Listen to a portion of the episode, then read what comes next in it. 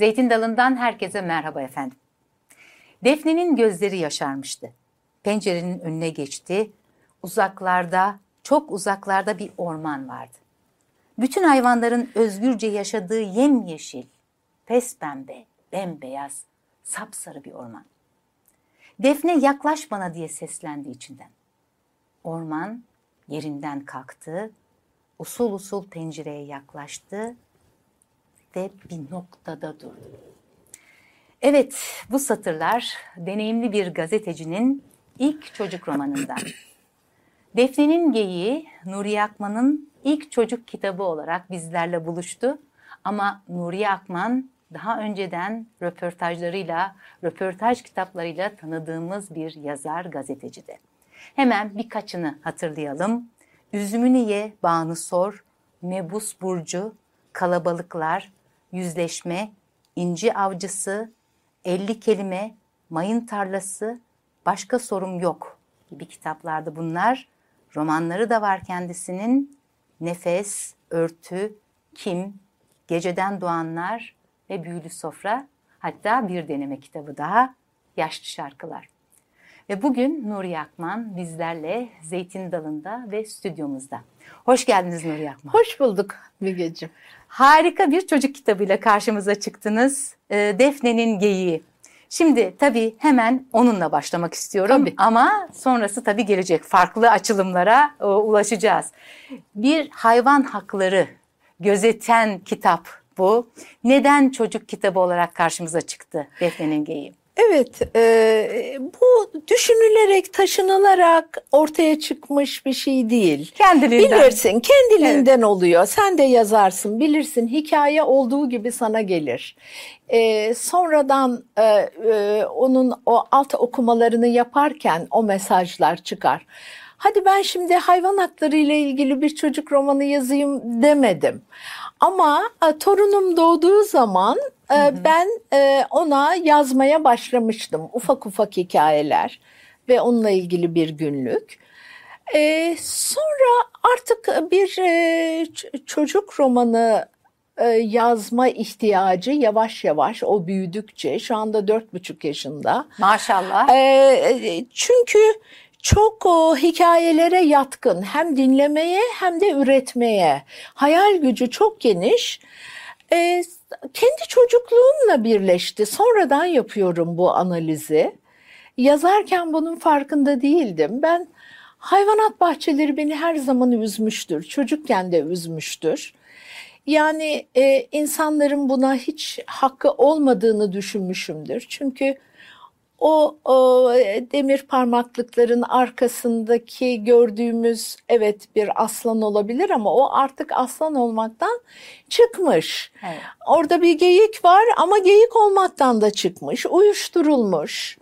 E, kendi doğasından uzaklaştırılmış. E, e, sonra kendiliğinden çıktı e, bu hikaye.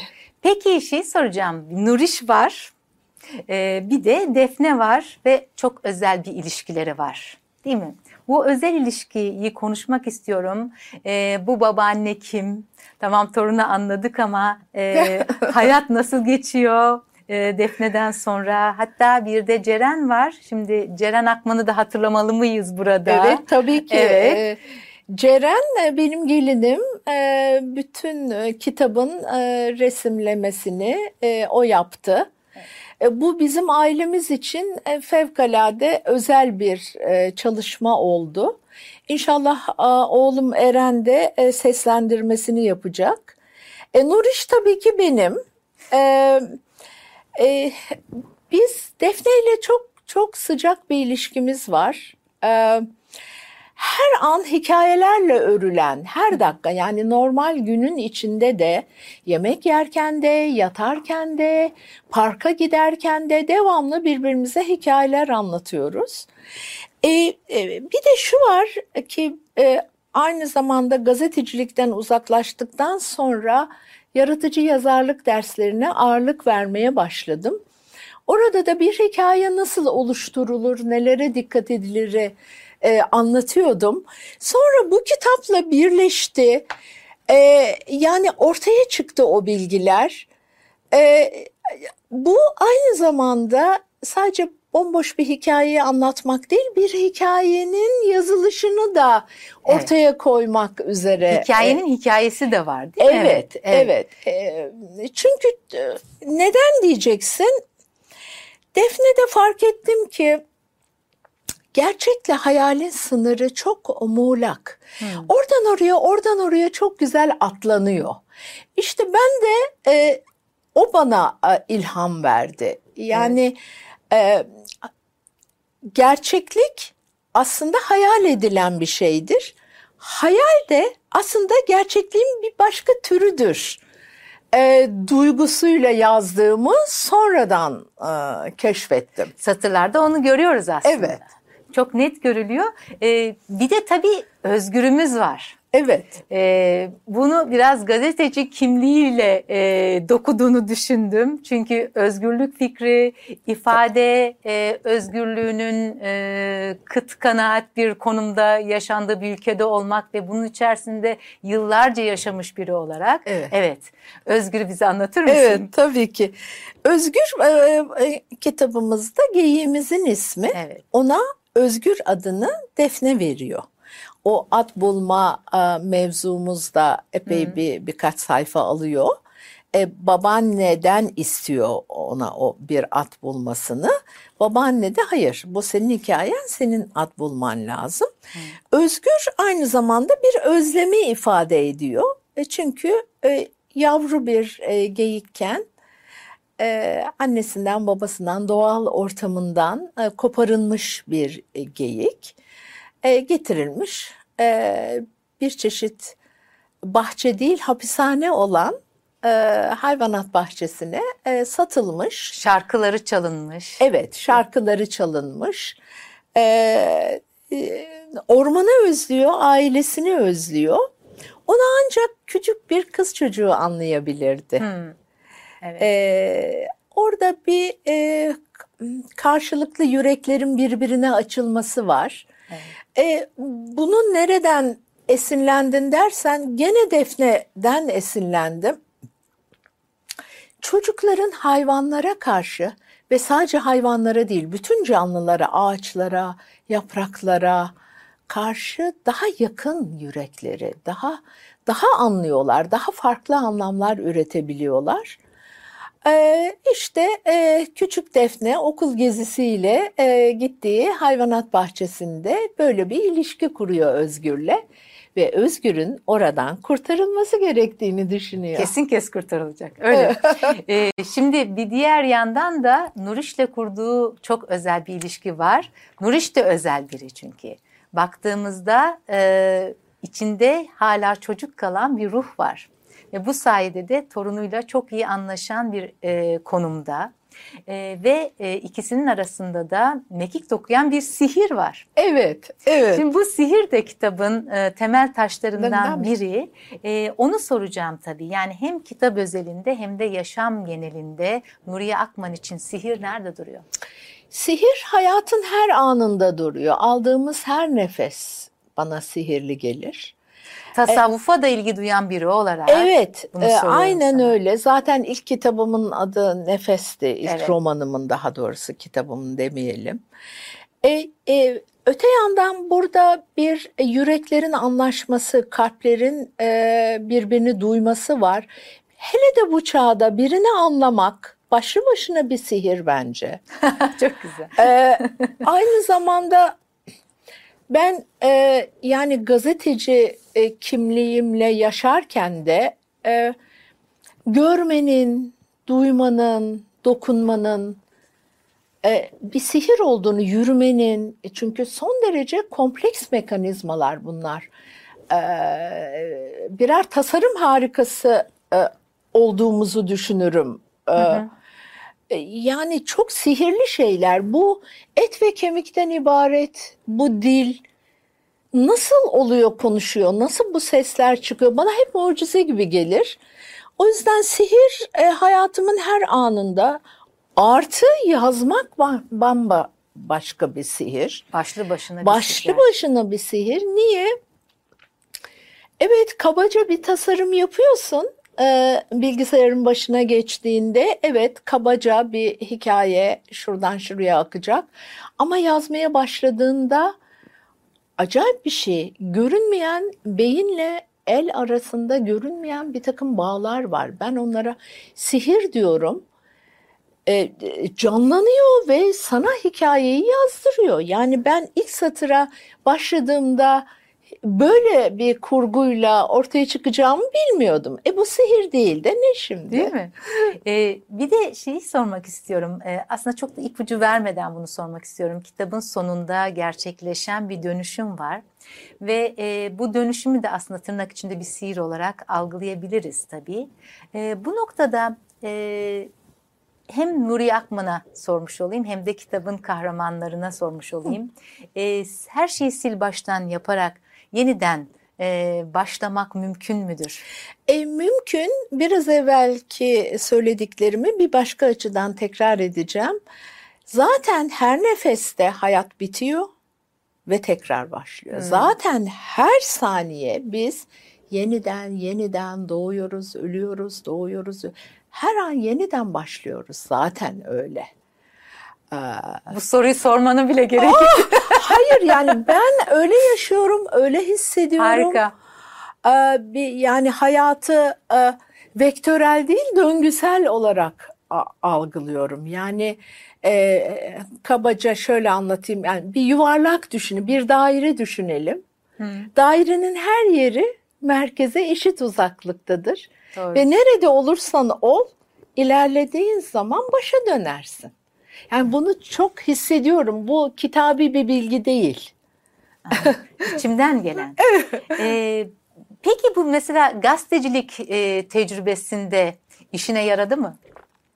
Bu mu? Çok yaradı. bir ee, sürü şey başına geldi. O çok şeyler geldi. İyi ki de geldi. Hayatın e, değişik e, farklı yüzlerini e, biz gazeteciler genelde seyirci olarak, gözlemci olarak yaşarız. Bu arada biz e, bizi izleyenlere hemen hatırlatalım. Çok önemli e, röportajların var. E, ee, zamanında yapılmış olan. Teşekkür ederim. Onlara okurlar o, o sıfatı, e, o etiketi koyuyorlar. E, e, gözlemci ol, oluyorsun ve e, halkanın biraz dışından bakarak soru soruyorsun. Ama o olayların hepsi başına geldiği zaman o zaman manzara daha derinleşiyor, daha farklılaşıyor. O yüzden de e, e, dışarıdan bakılınca e, kötü görünen, hmm. üzücü görünen, sana sıkıntılar yaşatan her şey aslında senin gelişimin için, e, senin ufkunun gelişmesi için, derinleşmesi için bir fırsat, bir hediye hatta. Bunu değerlendirmek lazım bir noktada ee, Bilmiyorum işte o, o bilinç e, de kitaplara ondan sonra yazdığın kitaplara yansıyor. Anladım. Yani daha e, ne diyeyim daha farklı bir bakış açısıyla daha kuşatıcı suçlamadan Hı. kimseyi suçlamadan olması gereken oluyor zaten. Bu olması gereken onayladığım anlamında değil. Ama bir tek olayın olması için milyonlarca hatta milyarlarca hatta katrilyonlarca verinin aynı anda çalışması gerekiyor. Bunun içinde tarih var, coğrafya var, biyoloji var, e, or, siyaset var, her şey hormonlar var, kimya var, fizik var vesaire. O günkü ruh halin var değil mi? Evet onlar zaten bir evet. ruh hali oluşturuyorlar. Okudukların var, süzdüklerin var, kalanlar var, gidenler var. Dolayısıyla hangi birine e, ket vurabilirsin ve değiştirebilirsin? Dolayısıyla olması gereken oluyor. Bu kadar diyoruz. Alması gereken oluyor. Evet. Şimdi kitaba tekrar dönecek olursak kitapta ormana, doğaya, vahşi hayvanlara atıflar var. Ee, ve aslında ben e, bir de şunu düşündüm. Hani bu iş sadece hayvan haklarıyla olmaz kardeşim. E, diyen de bir yazar var bize. Evet. E, diğer başlıklar neler? Ee, diğer başlıklar. Evet insan hakları. İnsan hakları aslında hmm, böyle bir ayrım da yapmıyorum. Hayvan hakkı aynı zamanda insan hakkıdır. İnsan hakkı da hayvan hakkıdır. Doğanın hakkıdır çünkü. Sonuçta biz e, e, belirli bir doğanın içinde yaşıyoruz. Onu harap etsek de, onu yok etsek de dolayısıyla ne yaparsak aslında kendimize yapıyoruz. Ee, tabii ki e, yani hayvan ha, hayvanları bu gözle görebilen e, bir çocuğun daha sonra e, yoktan yere içeri atılan bir e, insan hakları savunucusuna da aynı gözle ba- bakacağına umut etmek istiyorum en azından. Evet, Evet. en azından. Evet. Ee, şimdi bir de kitapta avcılar var, ajanlar var, askerler var, polisler var. Onları nasıl düşünelim? Nuriye Akman'ın hayatını da düşünecek olursak. E, onlar da hayatın olmazsa olmazları. Herkes e, bir rol kapmış. E, burada bir e, iradi durum var. Onlar o rolü istemişler, o rolü benimsemişler yahut da o role itilmişler. E, tabii ki her zaman savaşta olacak, kötülükte olacak. E, düzenin bekçileri aynı zamanda onlar. Düzen nedir? Hayvanların avcılar tarafından avlanması ve hayvanat bahçesine getirilmesi. Bu bir zincir. O zincirin bekçileri olacak, koruyucuları olacak ama o zinciri kırmak isteyen insanlar da olacak. Dolayısıyla böyle bir macera tadı da olsun istedim. Ee, e, kendi hayatımla birebir özdeşleştirmek istemiyorum. Genellikle şu hata yapılıyor. Ee, e, kitap bittikten sonra onun üstüne anlam etiketleri koymak o pek e, e, benim hoşuma giden bir şey değil. Olduğu gibi sadece o öyküyü okusun istiyorum. Çünkü ben bugüne kadar çocuklardan bir şey almadım tepki. Onlar nasıl algılıyor? Ama mesela Defne'ye defalarca okundu bu. Yani Ne dedi ge- Defne? Geyiğin kurtulması çok hoşuna gitti onun. Ha, bu bana yeter. Geyiklerin kurtulması lazım. Hayvana ama e, bu bir hikaye içinde hikaye. Bunun içinde sadece hikayeyle yetinemeyiz. Ne yapacağız? Ondan sonra sosyal medyayı örgütleyeceğiz ve hayvanat bahçelerinin kapatılması için fiilen de, fiziken de, reel olarak da çalışacağız. Yayacağız onu. Evet. Peki haberciler de var burada. ah haberciler haberciler ne onlarla ne onsuz. Şimdi e, e, ben ge- gerçekten e, e, habercilik deneyimimi çok şanslı addediyorum. Ne istiyorsam yapabildim. Kime ne istiyorsam sorabildim. İstediğim hemen hemen papa hariç herkese ulaşabildim. Kabul ettiler. Evet, kabul ettiler. Ee, benim üslubumu biliyorlardı. Hani yüzde 99 he- her şey yolunda gitti. Şimdi sorulamıyor, ulaşılamıyor. Ee, o yüzden de kendimi hani biraz evvel söyledim yani bir çeşit dinozor gibi görmüyor değilim. Ama bu gururlu bir dinozor. Yani biz biz başardık. Şu anda öyle bir imkan yok. E, medyaskop gibi bir takım küçük nefes alma boruları var. E, Oralardan nefes alınıyor ama genel olarak e, gazeteciliğin, haberciliğin şeyi de kalmadı, saygınlığı da kalmadı. E, Ciddi bir darbe var. evet, maalesef. Peki şimdi gene o, o röportajlara dönmek istiyorum. Ee, özellikle de iletişim fakültesinde okuyan arkadaşlarımız için e, sormak istediğim bir soru bu. Ee, çok ciddi e, hazırlanarak e, gittiğini biliyorum o röportajlara. Nasıl bir e, prosedür, nasıl bir çerçeve uygulardı Nuriye Akman röportajlardan önce?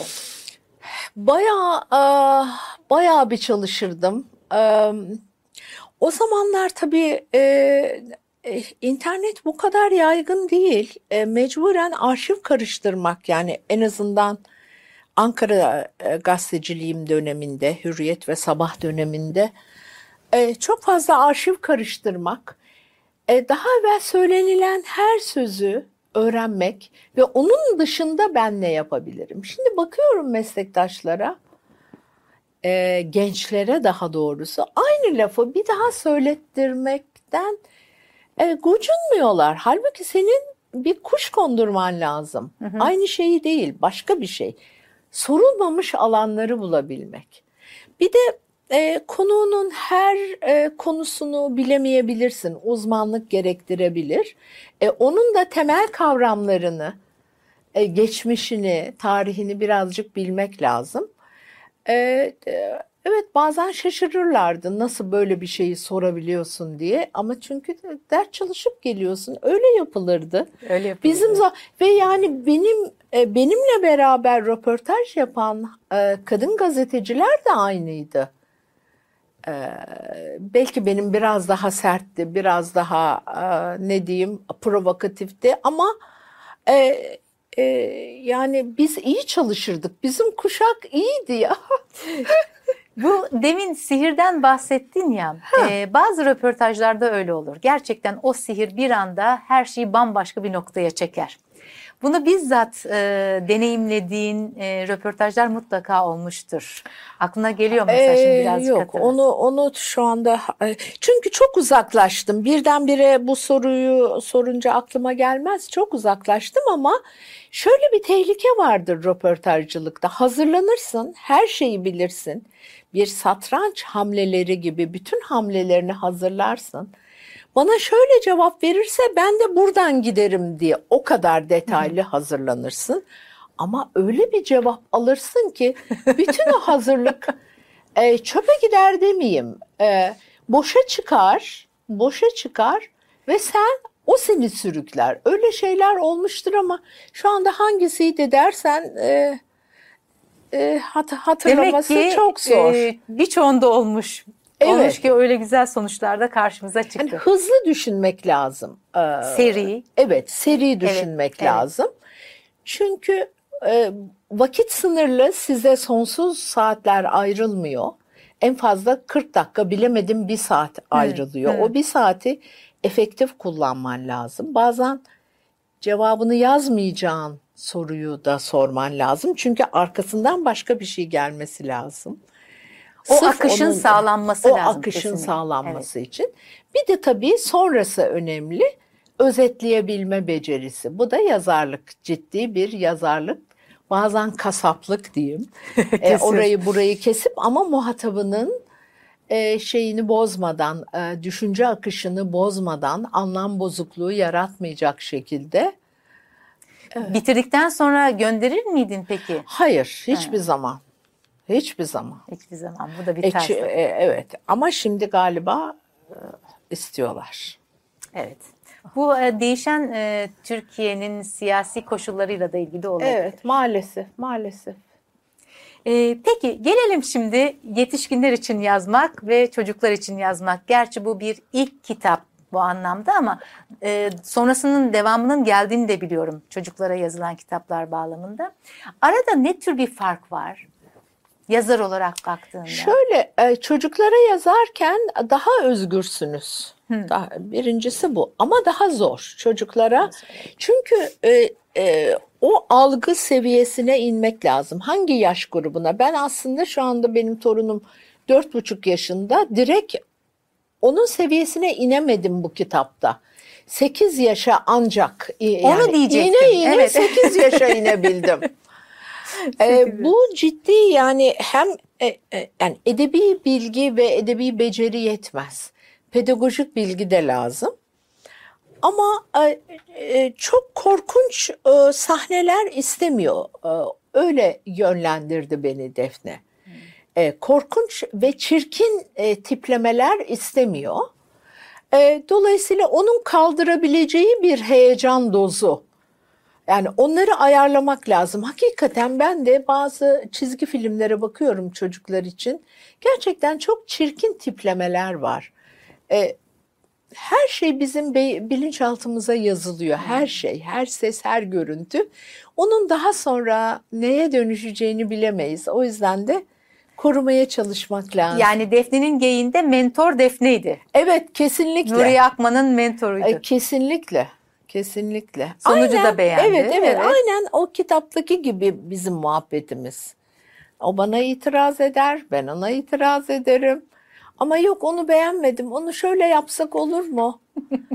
falan bu şekilde.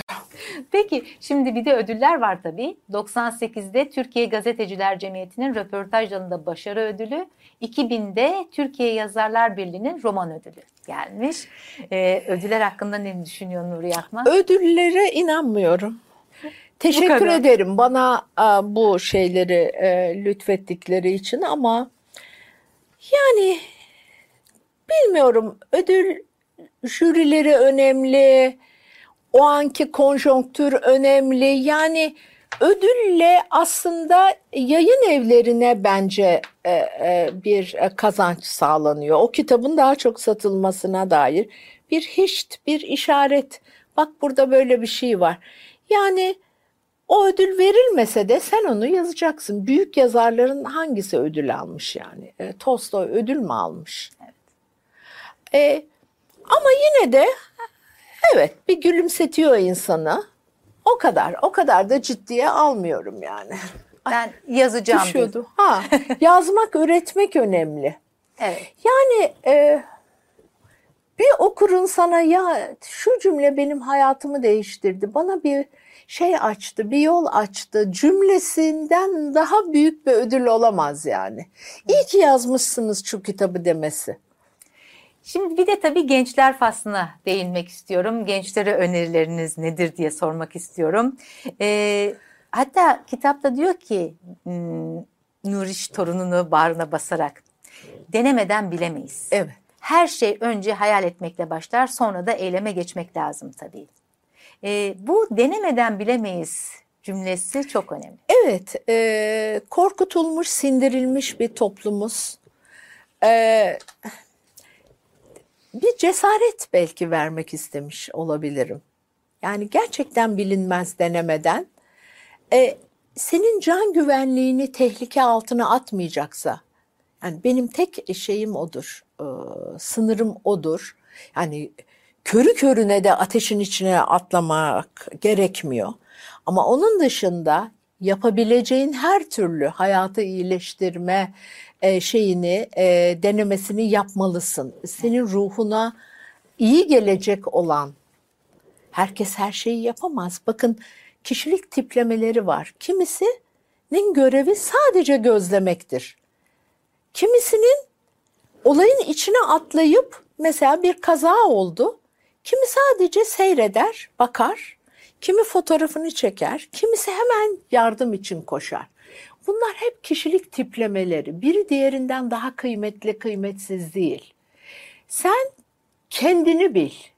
Sen hangisisin? Ama o gözlemcinin de yapabileceği denemeler var. Tabii. Öbürünün de yapabileceği gözlemler var. Dolayısıyla e, biraz cesaret vermek. Hakikaten de her şey, her büyük iş önce değil mi hayal edilir. Ve e, ondan sonra da eyleme geçmek. Evet, e, eyleme tabii ki. Biz şimdi hikaye içinde hikaye yazdık. Babaanneyle torun bir hikaye yazdı. E, so what burada mı kalsın? E, ne yapacağız? Şimdi eyleme geçeceğiz. Peki, melez geyik. Melezliğe de bir göz Aa, kırpış çok var burada. güzel. Kesinlikle. Çok güzel güzel buldun. Ben e, çok eskiden e, Ceylan'ı e, geyiğin yavrusu zannederdim. Halbuki e, yani çok ileri yaşlarda öğrendim. Çok ayıp. Apayrı türler. Ve e, melezlik çok önemli. E, İlla ki yani yazarlar zaten siyah ve beyazın dışında o gri alanda e, çalışmalı ve çalışırlar zaten. Hayat ya öyle ya böyle değildir. İkisinin arasında bir yerdedir.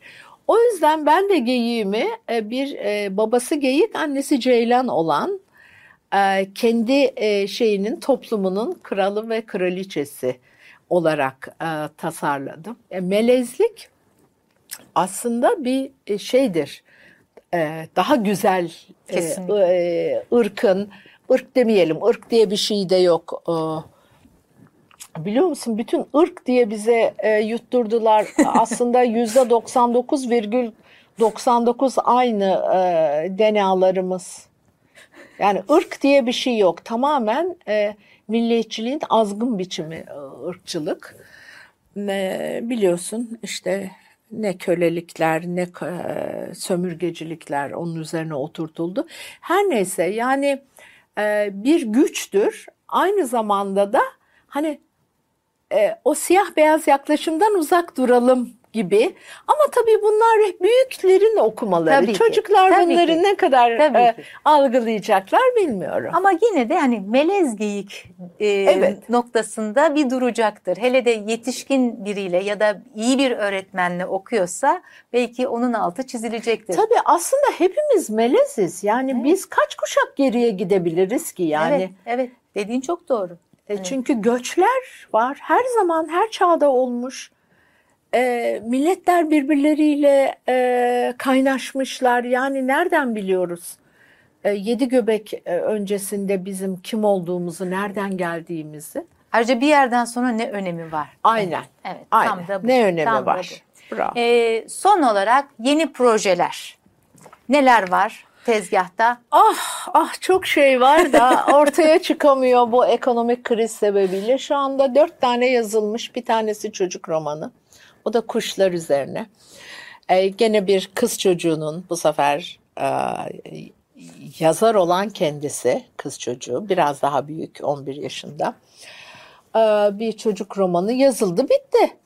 E, üç tane de onun dışında roman yazıldı bitti duruyor kağıt fiyatları efendim ucuzlayacak da sıra bize gelecek. İki tane e, müzikal yazdım. Onlar yapımcısını arıyor. Ben bulamadım. Belki buradan birisi Buradan duyar da birisi buradan gelir bana. Ondan sonra e, Senaryo yazdın. senaryo çok yazdım. 7 yıldır dizi piyasasına girmeye çalışıyorum ama bir türlü olmuyor. Yani yani dört tane kapı gibi güzel senaryom var. Ee, Belki sansürlenecek bölümler vardı. evet olabilir olabilir bilmiyorum ki. Önemli olan üre- üretmek Üretmek. diyorum. Sonrasında da yani ne kadar yaşayacağımızı bilmiyoruz.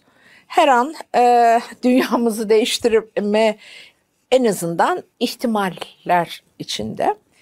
Her Yani an bunu bir- yenilendiğimiz Evet. düşünülecek olursa neden olmaz? Evet. Bakalım belki bizden sonradır. Zamanı gelmemiştir belki. Belki. Evet. Belki. Çok teşekkür ediyorum bütün bu güzel bilgiler için. Ben teşekkür ederim. İyi ki çağırmışsın. İyi ki çağırmışım. Gene gel. İnşallah. Evet, bugün Nuriye Akman'la birlikteydik. Bize ipuçları verdi. Dedi ki, önemli olan üretmektir. Birini anlamak başlı başına sihrin ta kendisidir. Bu sihir için buradayız efendim ve burada olmaya çalışacağız. Zeytin Dalı'ndan hepinize sevgiler, saygılar.